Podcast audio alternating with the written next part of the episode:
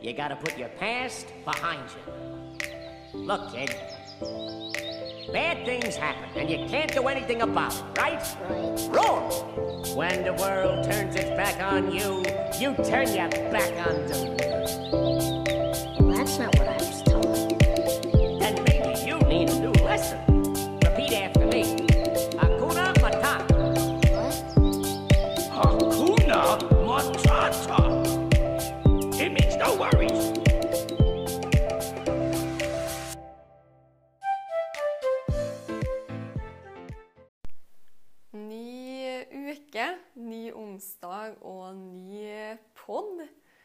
Det er Berit her som, eh, som eh, vanlig.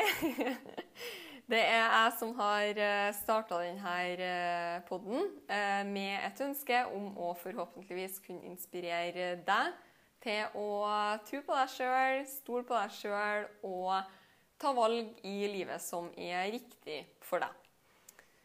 I eh, dagens, eh, eller ukas, episode så skal vi prate om et eh, tema som jeg tror at veldig mange av dere vil kjenne dere igjen i.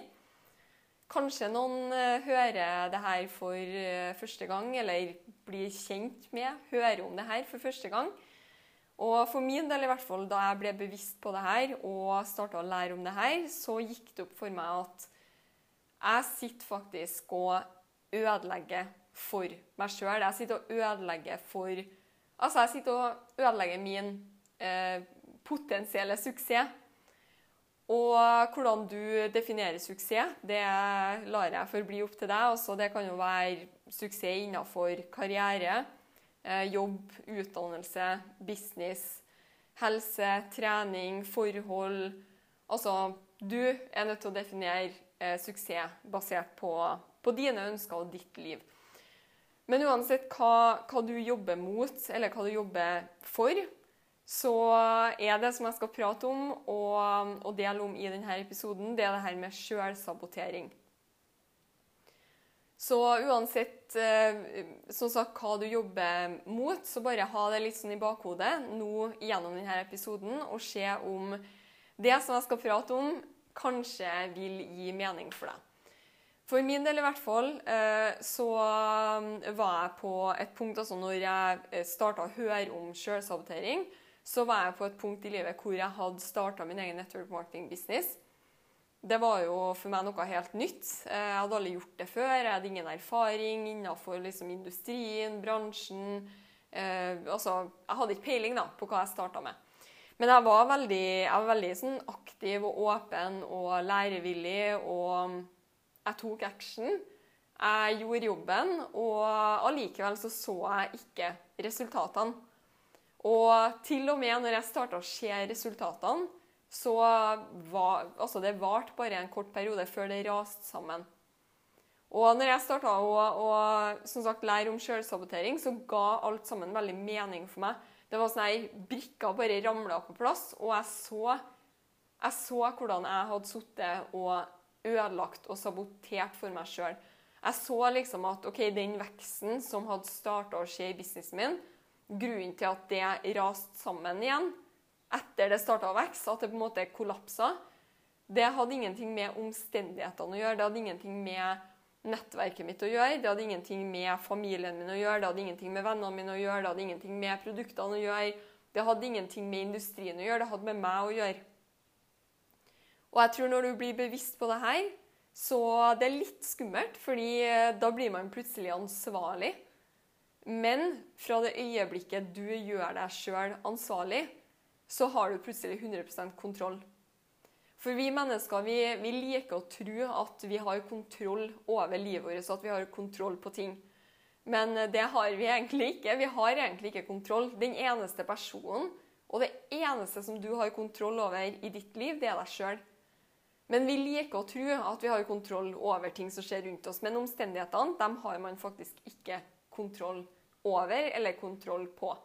Så det er en veldig god følelse når man starter opp på en måte, i stedet for å fokusere så sinnssykt mye på alt som skjer rundt seg, så vender man på en måte blikket inn på seg sjøl og begynner å grave litt i seg sjøl. Det, det, det, er vondt, fordi man begynner å Man må liksom røske opp i liksom gamle, eh, ja, gamle tanker, gamle sannheter som man har liggende.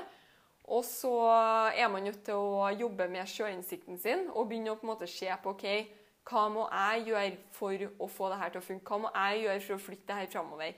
Og um, som sagt, det er litt vondt i starten, men det er en utrolig, er en utrolig god og sånn her frihetsfølelse. Fordi som sagt, du har 100% kontroll. Det som jeg skal dele om i denne episoden, eh, jeg skal dele et par historier. Eh, for deg som kanskje er litt sånn usikker, ok, sjølsabotering, hva, hva mener du?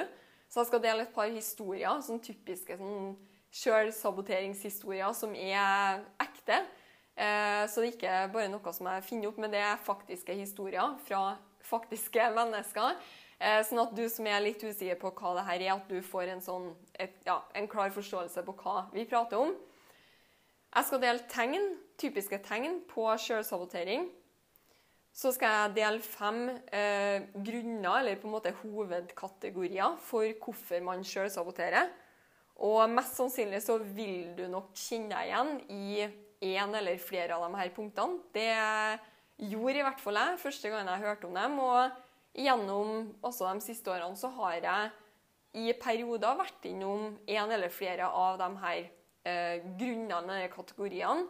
Og det å bli bevisst på det, det er, liksom, det er det første steget. Det å på en måte bli klar over at OK, det her er faktisk det Det her er grunnen til at jeg ikke kommer meg framover. Eh, og når man blir bevisst på det her, eh, med sjølsabotasje og sine egne tanker Du begynner å bli bevisst på tankene dine. Det er også da man kan gjøre noe med det.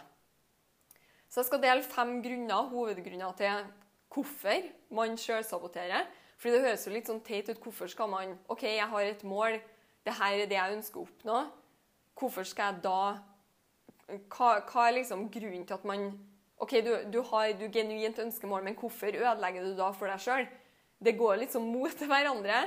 Så det skal jeg prate om. Og til slutt så skal jeg selvfølgelig dele eh, noen tips til hvordan å jobbe seg gjennom eh, og bort fra det her med sjølsabotering. Så jeg tenkte bare å starte med to historier. Og det her er historier som som sagt er eh, fra mennesker som jeg har snakka med. Den første historien er ei venninne eller en bekjent som i veldig mange år har slitt med overvekt. Hun har begynt å kjenne det veldig på helsa, og kom til et punkt hvor hun bestemte seg for at hun skulle ta tak i livsstilen sin og endre livsstil. Så hun meldte seg inn på treningssenter. Hun starta å trene. Hun starta å spise bedre. Og ja, når hun dro og handla, så var hun veldig bevisst på at OK, nå, altså jeg ønsker å, å, ha en sunn livsstil. da. Det som skjedde, var at uh, hun starta å trekke seg tilbake fordi hun hadde en samboer. Og den livsstilen som hun og samboeren hennes hadde, og de har vært sammen i veldig mange år, den livsstilen som de hadde bygd opp sammen, som de hadde, den var helt imot den retninga som hun var på vei. Så når hun dro på trening, kjøpte sunnere mat, spiste bedre, så var han fremdeles i sofaen med Netflix og potetgullskåler. Og det her handler jo ikke om det her med å altså, utvikle seg og vekst. Det handler jo ikke om at man blir bedre altså Om du jobber med deg sjøl og samboeren din ikke gjør det, så handler det ikke om at ah, da blir du bedre enn han eller enn hun. Men det handler vel mer om at man vokser i forskjellige retninger.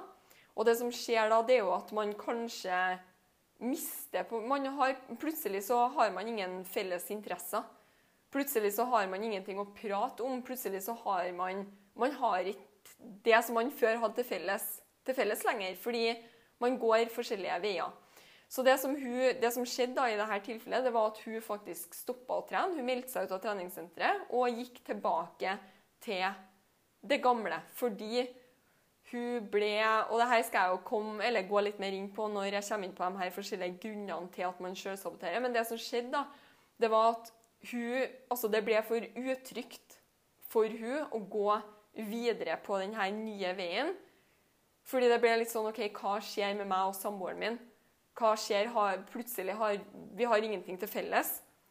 Og da endte hun opp med å trekke seg tilbake for å fortsette å på en måte passe inn i det forholdet og i det livet som de på en måte hadde sammen. da.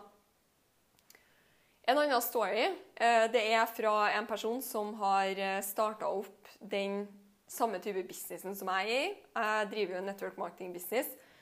Og det her er en person som Når jeg møtte denne personen, så det var bare utrolig, utrolig inspirerende. Fordi denne personen hadde utrolig store mål, drømmer. Hadde en veldig sånn klar visjon egentlig på hva eh, hun ønska for sitt liv. Hadde veldig sånn klare mål og liksom OK, nå kjører vi på. Og så virkelig eh, businessmuligheten i network marketing og hva det kunne gi for hun. Og hun var i en veldig sånn tett eh, veldig sånn sammensveisa venninnegjeng. Og det første hun tenkte og så da, med network marketing, det ene var jo hva hun kunne oppnå. Men hun så også den delen av businessen som eh, Altså den delen der man kan Man kan jo faktisk velge hvem man jobber med. Så hun tenkte jo bare at, at det her er jo helt perfekt for den venninnegjengen min, eller vår at vi kan eh, ja, gjøre det her sammen. Og det som hun delte eh, med meg, var at den venninnegjengen som hun var i eh, Det som hun beskrev der, det som var litt sånn typisk, da, det var at de møttes veldig ofte og endte veldig ofte, med, endte veldig ofte opp med å sitte og klage over ja, at de ikke trivdes i jobben, hadde for lite altså lønn eller for dårlig økonomi til å gjøre det som de hadde lyst til. Det var mange som klaga over å gå et studie som de ikke egentlig hadde lyst til å gå, men de studerte bare for å studere. Det var liksom mye klaging eh, over ja, livssituasjonen og ikke så veldig mye action. Det var ikke så veldig mange som liksom tok tak i eh, den situasjonen som de ikke trivdes i. Og eh, når man sitter i en situasjon og ikke trives, så kan det jo være delvis fordi altså, man tar ikke tak i det fordi man vet ikke hvordan. Så hun så jo på det her som at, at dette er jo en mulighet, noe som vi kan gjøre sammen for å ja, utvikle oss som personer. Eh, vi kan bygge opp noe eget, vi kan jobbe sammen. Og vi kan komme oss liksom ut av denne negative bobla. da. Så hun var jo kjempepositiv og delte her med den vennegjengen. Og jeg tror ikke at de jeg tror ikke at de gjorde det her med vilje, men hun ble møtt med nesten litt sånn De gjorde nesten litt sånn narr av henne. Bare liksom flira litt sånn ja, Så teit, liksom. Og det som skjedde da med hun, det var at hun droppa målene sine, hun droppa drømmene sine. Og hun la hele businessen vekk fordi hun Altså, det ble viktigere for hun å ta vare på den eh, venninnegjengen og det å på en måte passe inn. Fordi det som skjer, som jeg nevnte litt i sted også, når man begynner å jobbe med seg sjøl og utvikle seg sjøl, det er at veldig ofte så vokser man bort ifra mennesker som man har vært med tidligere. Og Det handler som sagt ikke om å bli bedre, at én blir bedre enn den andre, men det handler om at man får nye og forskjellige perspektiv, man får nye og forskjellige eh, interesser. Og ja, man, man, ender kanskje da opp med å miste eh, vennskap eller venn, den vennegjengen, fordi man, man, passer på en måte ikke inn. Så det som hun valgte å gjøre, det var å legge bort som sagt, målene og drømmene hennes for å fortsette å passe inn. Og det her er bare to altså Jeg kunne kommet med masse masse historier på, eh, eller om rundt det her med selvsabotasje. Men det her er sånn typiske eh, historier. Og ja, sånne typiske sjølsabotasjehistorier, da, der, der eh, personer er på vei i altså til å vokse, men som holder seg tilbake for å fortsette, uh, for å, fortsette å, å, passe inn. Uh, og typiske tegn da, på sjølsabotasje det kan være altså utsettelse. Hvis man alltid utsetter, så kan det faktisk være et tegn på sjølsabotering. Og utsettelse det, det, kommer jo ofte sammen med unnskyldninger. Og vi mennesker vi er veldig flinke til å lage sånne gyldige unnskyldninger for hverandre. Eller for oss sjøl, mener jeg. For oss selv. Vi er veldig flinke til å lage unnskyld, gyldige unnskyldninger som høres liksom De høres så reelle og realistiske ut i vårt eget hode at vi føler at ja, men det var gyldig.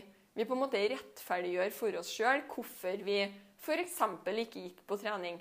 Vi rettferdiggjør for oss sjøl hvorfor vi ikke tok den action som skulle til, fordi det er ubehagelig å dra på trening hvis du aldri før har trent. Det er ubehagelig å ta en business-telefon eller ja, action som du ikke er vant til. Det er ubehagelig. Og da prøver vi liksom å holde Vi prøver å rettferdiggjøre for oss sjøl. Og gjør på en måte Ja, vi gjør eh, unnskyldningene våre gyldige, sånn at det blir vi er, Ja, men det var jo derfor. Det var jo ikke jeg. Det var jo ikke at jeg ikke på en måte gjorde det, men det var liksom Det var fordi jeg hadde tid, eller det var fordi ungene kom, og liksom Man, man har de her gyldige unnskyldningene, og de er utrolig farlige. Fordi de høres så sann ut i ditt eget hode. Så har vi også sånne typiske tidstyver. F.eks. det å sitte og scrolle på sosiale medier, eller det å se Netflix, eller overspising også. Det er sånne typiske sjølsabotasjetegn.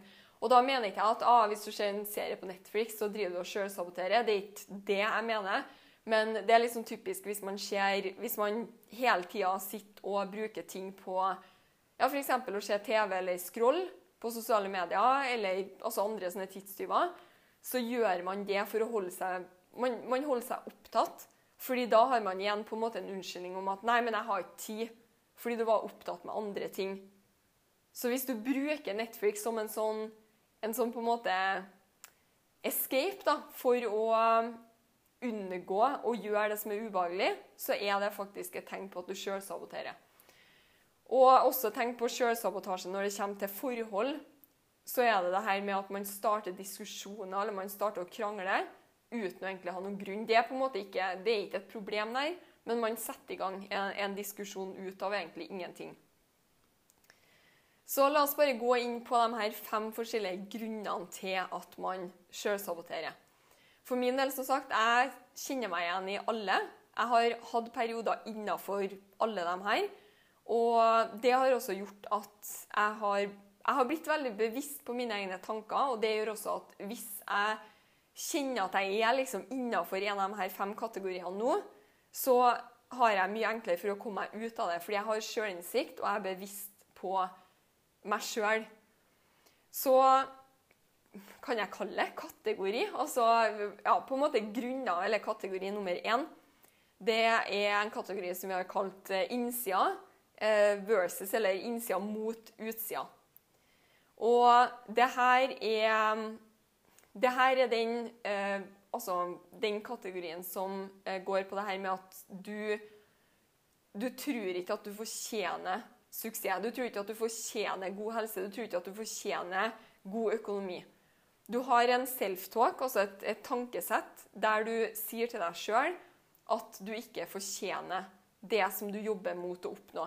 Så f.eks. For, for meg, eh, som jeg starta denne episoden med å fortelle litt om eh, når jeg starta min egen business, eh, starta å se resultatene, så fikk jeg resultatene, men så raste det nesten like raskt. Og når jeg hørte om det her, så ga det så sinnssykt mening for meg. fordi det her med innsida eh, mot utsida, det handler om at på innsida så føler du ikke at du fortjener det. Og da hvis ting begynner å skje for deg på utsida, så vil innsida di Du vil fordi vi har det her programmet i underbevisstheten vår som hvem er vi, hva fortjener vi?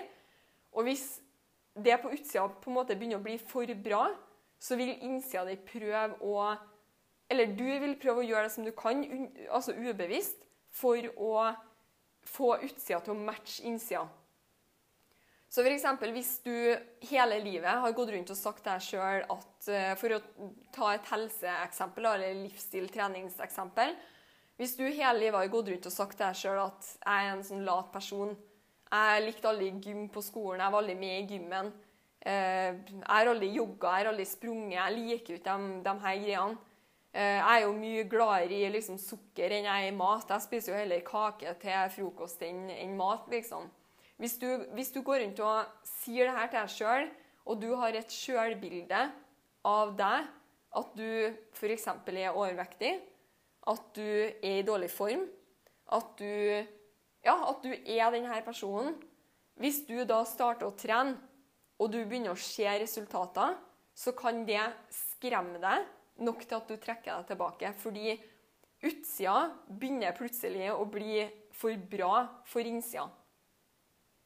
Jeg håper at det gir mening. Og det her er det her er, så utrolig, det her er så utrolig viktig. Det er utrolig mange som feiler mot altså Uansett hvilken, hvordan du definerer suksess. Det er veldig mange som feiler mot målene sine fordi man jobber kun med utsida. Man jobber kun med utsida, og så glemmer man innsida. Og hvis du ikke jobber med innsida, sånn at innsida på en måte holder seg i takt med utsida, så vil du mest sannsynlig prøve å sabotere for deg sjøl for å holde på en måte innsida og utsida likt. Så det er grunn nummer én innsida versus eller mot utsida. Grunn nummer to det er en kategori som vi har kalt 'innafor boksen'. Og det går litt på det samme, men her er liksom litt mer rom for, for vekst. Så denne går mer på at man, man er OK med eh, f.eks. karriere. Da. Man er OK med å tjene litt mer. Man er OK med en, liksom en liten lønnsøkning. Men det kan ikke bli for mye. Eller det kan ikke bli for lite. Og dette er grunnen til at veldig mange går gjennom livet og ligger på en veldig sånn Altså Tenk på din, dine siste fem år eller ti år eller 20 år, også basert på hvor, hvor, gammel du er. Tenk litt på hvor mye vekst har du egentlig hatt? Både når det kommer til økonomi, når det kommer til forhold, når det kommer til helse, når det kommer til personlig vekst. Altså hvor mye vekst har du, har du egentlig hatt? Fordi veldig, på grunn av at veldig mange er ubevisst på det her, så vil veldig veldig mange gå gjennom livet på, og ligge på, på, veldig sånn, på veldig sånn lik eh, linje gjennom hele livet. Fordi man har, sånn, man har skapt en sånn boks for seg sjøl, der man på en måte sier til seg sjøl hvor mye man fortjener. Man, man, kan få litt mer. Man kan få litt mer penger. Man kan få litt mer altså, lykke og happiness i livet. Man kan få litt mer eh, altså kjærlighet og, og, omsorg. Man kan få litt bedre helse. Men hvem tror du at du er liksom som skal bli superfit, eller hvem tror du at du er som skal komme skikkelig i form, eller hvem tror du at du er som skal bli økonomisk fri? Det, du, du, kan på en måte få litt, men hold deg innafor boksen. Og Det er også grunnen til at veldig mange om, om altså man har en standard og det den boksen her gjør også, det er at hvis du ramler nedafor standarden, så vil du også løfte deg opp. Så det er liksom, du har en sånn, ja, en sånn standard for liksom OK, det her er den jeg er, og det her er det jeg fortjener. Kategori nummer tre, det er det her med når man mister kontroll. Og jeg tror det her er den mest vanlige Jeg tror veldig mange kjenner seg igjen i denne kategorien. Og denne går jo litt eh, altså de her historiene som jeg delte i sted, det her med hun eh, som starta å trene for å komme i bedre form, og som på en måte følte at hun mista eh, connection, eller kontakten med samboeren sin. Og også hun her som starta sin egen business og ble møtt med litt sånn Ja, med en vennegjeng som ikke hadde helt trua. Altså begge dem, I begge de to tilfellene så er det det punktet her spesielt som gjorde at de trakk seg tilbake. De følte at de mista kontroll. Fordi det som er greia, det er at endringer gjør vondt. Det gjør vondt å miste en vennegjeng som du alltid har vært i. Det gjør vondt å gå gjennom et samlivsbrudd fordi du velger å gå en annen vei. Selvfølgelig gjør det vondt. Og det som er greia, er at folk stopper det fordi det gjør vondt, og fordi man ikke vet hva som kommer. Så si at du har vært i et forhold, f.eks. For med den, den, historien som jeg delte tidligere. tidligere har, altså, hun har en samboer, vært i et forhold, hatt en livsstil i veldig veldig, veldig mange år. Det er veldig sånn forutsigbart. Hun vet hva som kommer i morgen, hun vet hva som kommer på mandag, hun vet hva som kommer neste helg. Hun vet hva hun skal gjøre neste jul. Hun vet hvor hun skal på nyttårsaften, hun vet hvordan hun skal feire 17. mai. Fordi de har gjort det før. Det er liksom dem sammen alltid. Og selvfølgelig da hvis det som skal til for å bli i bedre form, få, altså, for, få, få en forbedra livsstil, og få det bedre med seg sjøl. Hvis det som skal til å bryte ut av det, så er det veldig mange som trekker seg tilbake og ikke er villig til å ofre det. Fordi det blir for utrygt. Man vet ikke hvor man er på vei. Altså, ok, Hva da om man går gjennom det samlivsbruddet og flytter ut og starte nesten litt sånn på nytt? Altså, Mest sannsynlig så vil livet bli tusen ganger bedre. Kanskje du hadde møtt en som hadde matcha deg tusen ganger bedre, og livet hadde bare endra seg og blitt mye, mye bedre. Men altså, ja, det kan skje, men folk er for redd for hva om, hva hvis. Altså, det blir for utrygt, og man har plutselig ikke kontroll over det som man tror man har kontroll over. Vi har ikke kontroll over omstendighetene våre, men man føler at man mister den kontrollen som man tror man har. Så det, det gjør vondt. Eh, man, å, man, er redd for å bli såra, man er redd for å bli dømt, og man er redd sagt, for å miste forhold, altså familie og, og venn, altså vennskap. da. Så det er veldig mange som da bare, i stedet for å bryte ut og på en måte skille seg ut Vi har jo denne janteloven, du skal liksom ikke stikke deg ut. I stedet for å stikke seg ut, så trekker man seg tilbake for å passe inn og fortsatt å på en måte holde seg innafor den boksen. Kategori nummer fire det går på det her med press. Og for min del så har jeg Dette er en kategori som jeg har vært veldig, kjent meg veldig innafor, spesielt eh, de siste årene. Eh, fra jeg starta å oppleve vekst i businessen min. Og det her kan det være mange som kjenner seg igjen i, hvis du, altså i den karrieren du går, at du begynner å få mer ansvar. Eh, eller altså Ja, denne, det her punktet føler jeg har litt med sånn ansvar å gjøre. Hvis man får på en måte lagt ansvar på seg som man er usikker på om man klarer å takle, så føler man, man føler et sånt press som gjør at veldig mange trekker seg tilbake og sier nei til eventuelle muligheter som dukker opp, fordi man er redd for å ikke kunne levere. Man er redd for at man ikke klarer å levere, og at man ikke har det som skal til. Og dette er noe som jeg personlig som sagt, har kjent veldig på, spesielt uh, under altså vekstperioder i businessen min. Jeg har tvilt på meg sjøl. Jeg har kjent liksom på Klarer jeg det her? Har jeg bra nok struktur til å ta imot veksten? Har jeg bra nok uh, Altså, hva om jeg våkner opp en dag og ikke har energi til å få det gjort? Hva da? Altså, hva om jeg ikke er flink nok? Hva om jeg ikke har den kunnskapen som skal til? Så det her er ja, det her er et punkt som for min del i hvert fall har Det som jeg har jobba veldig med, er Og det skal jeg jo komme kom litt eh, skal jeg straks prate om. Komme litt mer tilbake til. Men det handler jo om tankesett. Det handler om å ha trua på seg sjøl. Bli bevisst på egne tanker og starte å si til, si til seg sjøl at selvfølgelig klarer jeg det her. Selvfølgelig har jeg det som skal til. Selvfølgelig er jeg flink nok. Og um, jeg kjenner at jeg har jobba meg veldig sånn ut av den her. Eh, og måten jeg kjenner det på, er bl.a. denne podkasten, faktisk. Fordi når jeg starta denne podkasten og gikk ut der og sa at hver onsdag så skal jeg komme ut med en ny episode, så hadde ikke jeg noe frykt. Jeg hadde ikke noe redsel. Jeg var på en måte ikke i tvil om jeg kom til å, å klare å levere. Så det er en veldig god følelse. Eh, jeg sier ikke at det kommer over natta, men det å hver eneste dag jobbe med seg sjøl, ha trua på seg sjøl, jobbe med sitt eget tankesett. Det funker, altså. Det funker. Det er en jobb som skal til. Som sagt, det skjer ikke magiske ting over natta. Men vi vet jo at det her programmet som vi har i underbevisstheten vår, som på en måte inneholder det her bildet, sjølbildet som du har Altså det bildet som du har av deg sjøl, og alle tanker som altså, Alt det som du sitter med. Det her programmet det kan man endre ved å gjøre én ting og det er repetisjon. Repetering, gjentagelse. Så ved å jobbe med tankesettet ditt og si det til deg sjøl igjen og igjen og igjen og igjen at det her klarer jeg, jeg er flink nok, jeg er bra nok Altså I starten så vil du kanskje ikke tro på det, men hvis du gjentar det her nok, så vil det til slutt bli en del av programmet ditt, og da vil det være en del av den du er, og ha trua på deg sjøl. Siste punktet Siste eh, kategori, eller grunn til at man sjølsaboterer, det er at man prøver å beskytte egoet sitt. Og det her egoet, det er jo det her berømte egoet, det er jo den her sosiale maska som man har.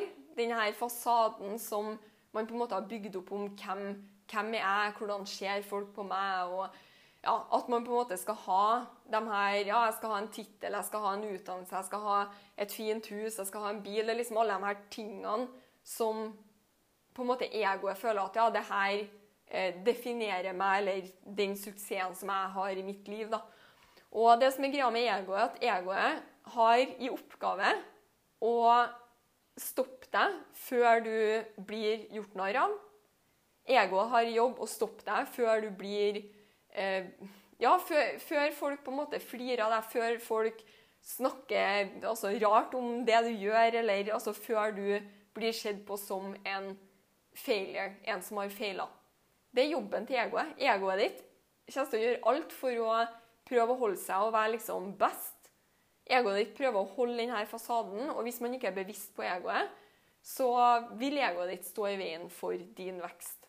Fordi på veien, altså uansett hva du jobber mot, så er man nødt til å gå igjennom og ja, man må stå i dritten, og det liker ikke egoet. Det gjør vondt for egoet. og ja, F.eks. For, for meg, da, når jeg, har, jeg starta å lage videoer, så vet jeg jo jeg har lagt ut videoer som folk har flira av og tenkt liksom Å, herregud, hva, hvem tror hun at du er? Hva, hva holder hun på med? Men for meg så Det er jo sånn jeg har vokst. Jeg hadde jo aldri blitt god på video hvis jeg ikke hadde lagt ut den første videoen. Og der var jeg nødt til å jobbe veldig med egoet mitt og på en måte kontrollere mine egne tanker og være, altså, bruke den sjølinnsikten og si til meg sjøl at spiller noen rolle. Altså, hva er viktigst? Målene mine og det som jeg skal oppnå?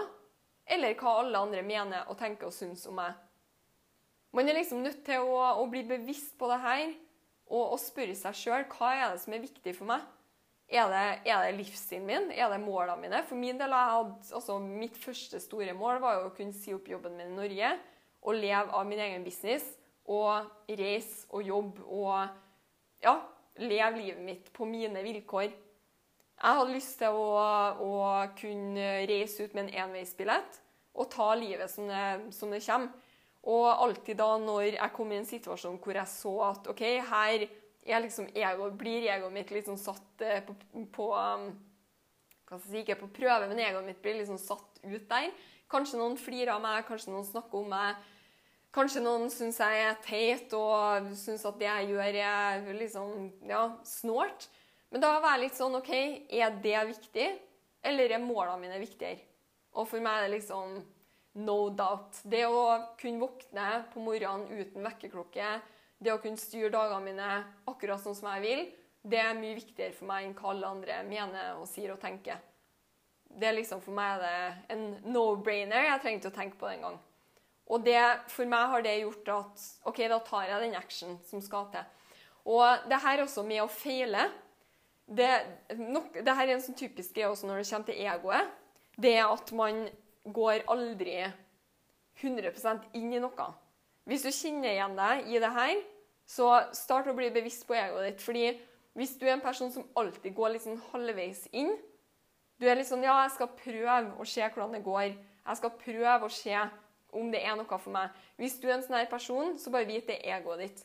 Fordi hva er det som gjør Altså, hva er det som skjer hvis du går 100% inn i noe, og så feiler du? Da er det jo du som har feila, da. da er det, det, det er liksom, for egoet ditt så er det sånn Ikke gjør det. Fordi da blir du sett på som en Da har du feila. Så derfor går veldig mange halvveis inn.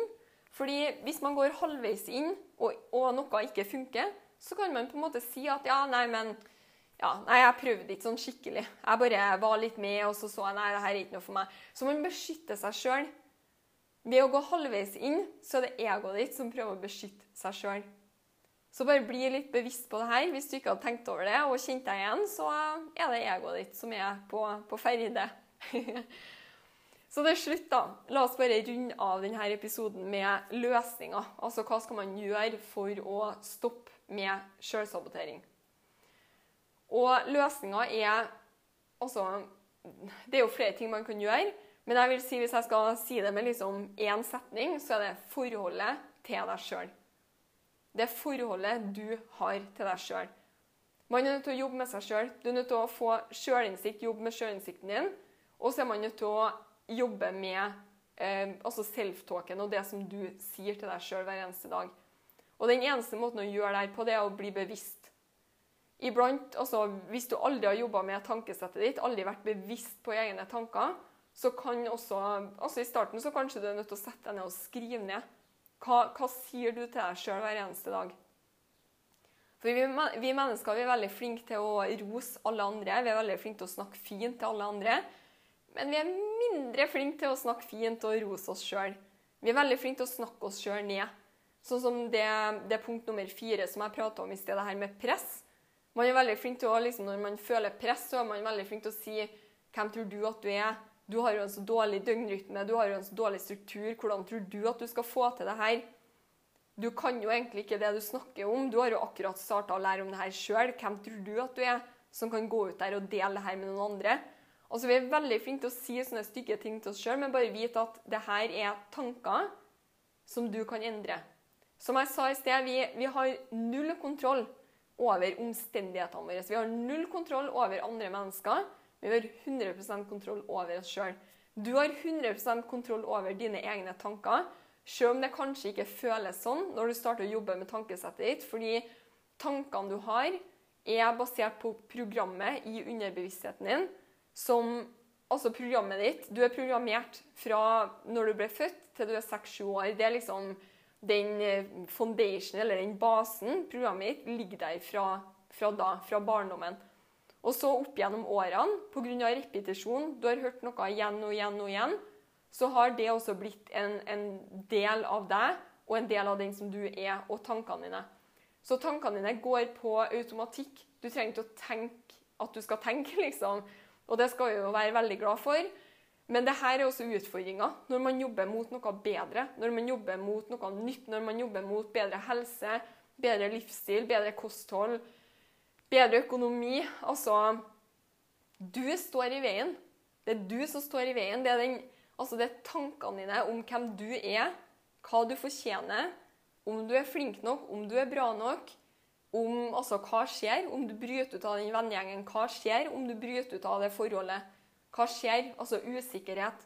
Det her er grunnen til at folk ikke vokser. Det her var grunnen til at jeg ikke vokste. Og jeg vet også, i perioder nå, når jeg føler at på en måte noe holder meg tilbake, så vet jeg at jeg er nødt til å jobbe med mitt tankesett. Jeg er nødt til å jobbe med meg, fordi det er jeg som står i veien for min vekst. Så seriøst, start å, å bli bevisst på egne tanker. og også det her med å um, bli glad i å feile. Sett deg ned og skriv ned. altså Hva betyr det å feile for deg? For det er også en måte å jobbe seg liksom bort fra det her egoet på, i stedet for å tenke at ah, hvis jeg feiler, så, så, er det jeg som har feila. Fordi det blir vi jo sånn lært opp til i skolen at ja, hvis du feiler, så har du på en måte, da er du mislykka. Men det her er helt feil, fordi det er feil. det er helt feil. Men det er, det er, faktisk det. Det her er en sånn stor misforståelse som bare aldri burde bli lært på. Jeg skulle ønske at jeg kunne gått inn i skolesystemet og bare sånn her, det her er nødt til å stoppe. Fordi det at unger blir lært til at ja, hvis du feiler, så er du mislykka, da er ikke du bra nok. Men det å feile er helt nødvendig for å vokse. Du klarer ikke å vokse uten å feile. Det er sånn man lærer.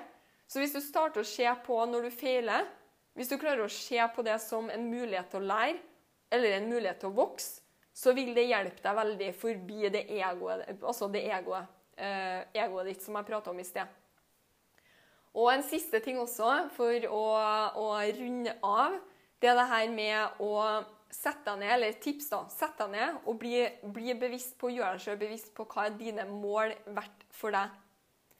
Fordi veldig ofte, hvis man, hvis man starter på noe, og så trekker, man, trekker seg tilbake, så er det Det ene er jo at det blir utrygt, det blir ukomfortabelt, og man begynner å tvile og sånne ting.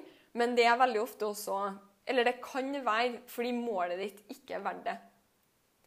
Jeg hørte en, en story for, uh, for, et par år siden. En online coach eh, som, som, delte her. Eh, veldig vellykka person. har masse, masse suksess i både business og livet altså ellers. Men denne personen delte at han hadde satt seg et mål om å lære seg spansk for mange år siden. Han var, jeg tror han var rundt i, ja, i 30-årene. Satte seg et mål om at han skulle lære seg spansk. Og han hadde mulighet og frihet eh, til å flytte til Spania, så han flytta til Spania. Og starta å ta spanskkurs, gå på skolen. Han starta å henge rundt, altså spanjoler, for å prate og lære seg språket. Og et år inn så slutta han. Og han, når han delte Og det, og det her syns jeg er så Det er så viktig å huske også at om du slutter med noe, så betyr heller ikke det at du har feila. Fordi sånn som han sa, at han, han bodde i Spania i et år, gikk på skolen, altså, gjorde det som han kunne for å lære seg språket. Og så gikk det opp for ham at hvis han skulle lære seg flytende spansk, så kom det til å ta masse tid. Det kom til å ta masse energi, og altså flere år. Og han kom til et punkt at han fant ut det var ikke så viktig for han. Han hadde egentlig ikke så lyst til å lære seg spansk at han var villig til å putte så mye tid inn i det her spanskprosjektet. Han fant ut at det er andre ting i livet mitt som er viktigere for meg. Så det var jo ikke sånn at han feila, men han tok et valg. Målet var ikke viktig nok. Det å lære seg spansk var ikke viktig nok.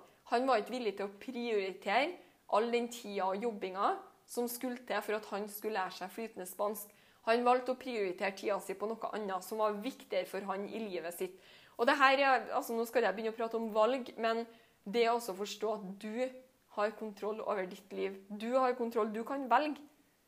Så det å på en måte ta seg sjøl litt ut fra den der offerrollen, at liksom av livet alt, altså, Ting skjer, folk er ute etter meg, livet er ute etter meg, den grad der. Sitter du i den offerrollen, så har du Da sitter du her og så lar du ting bare skje. Altså Alt kommer mot deg, på en måte.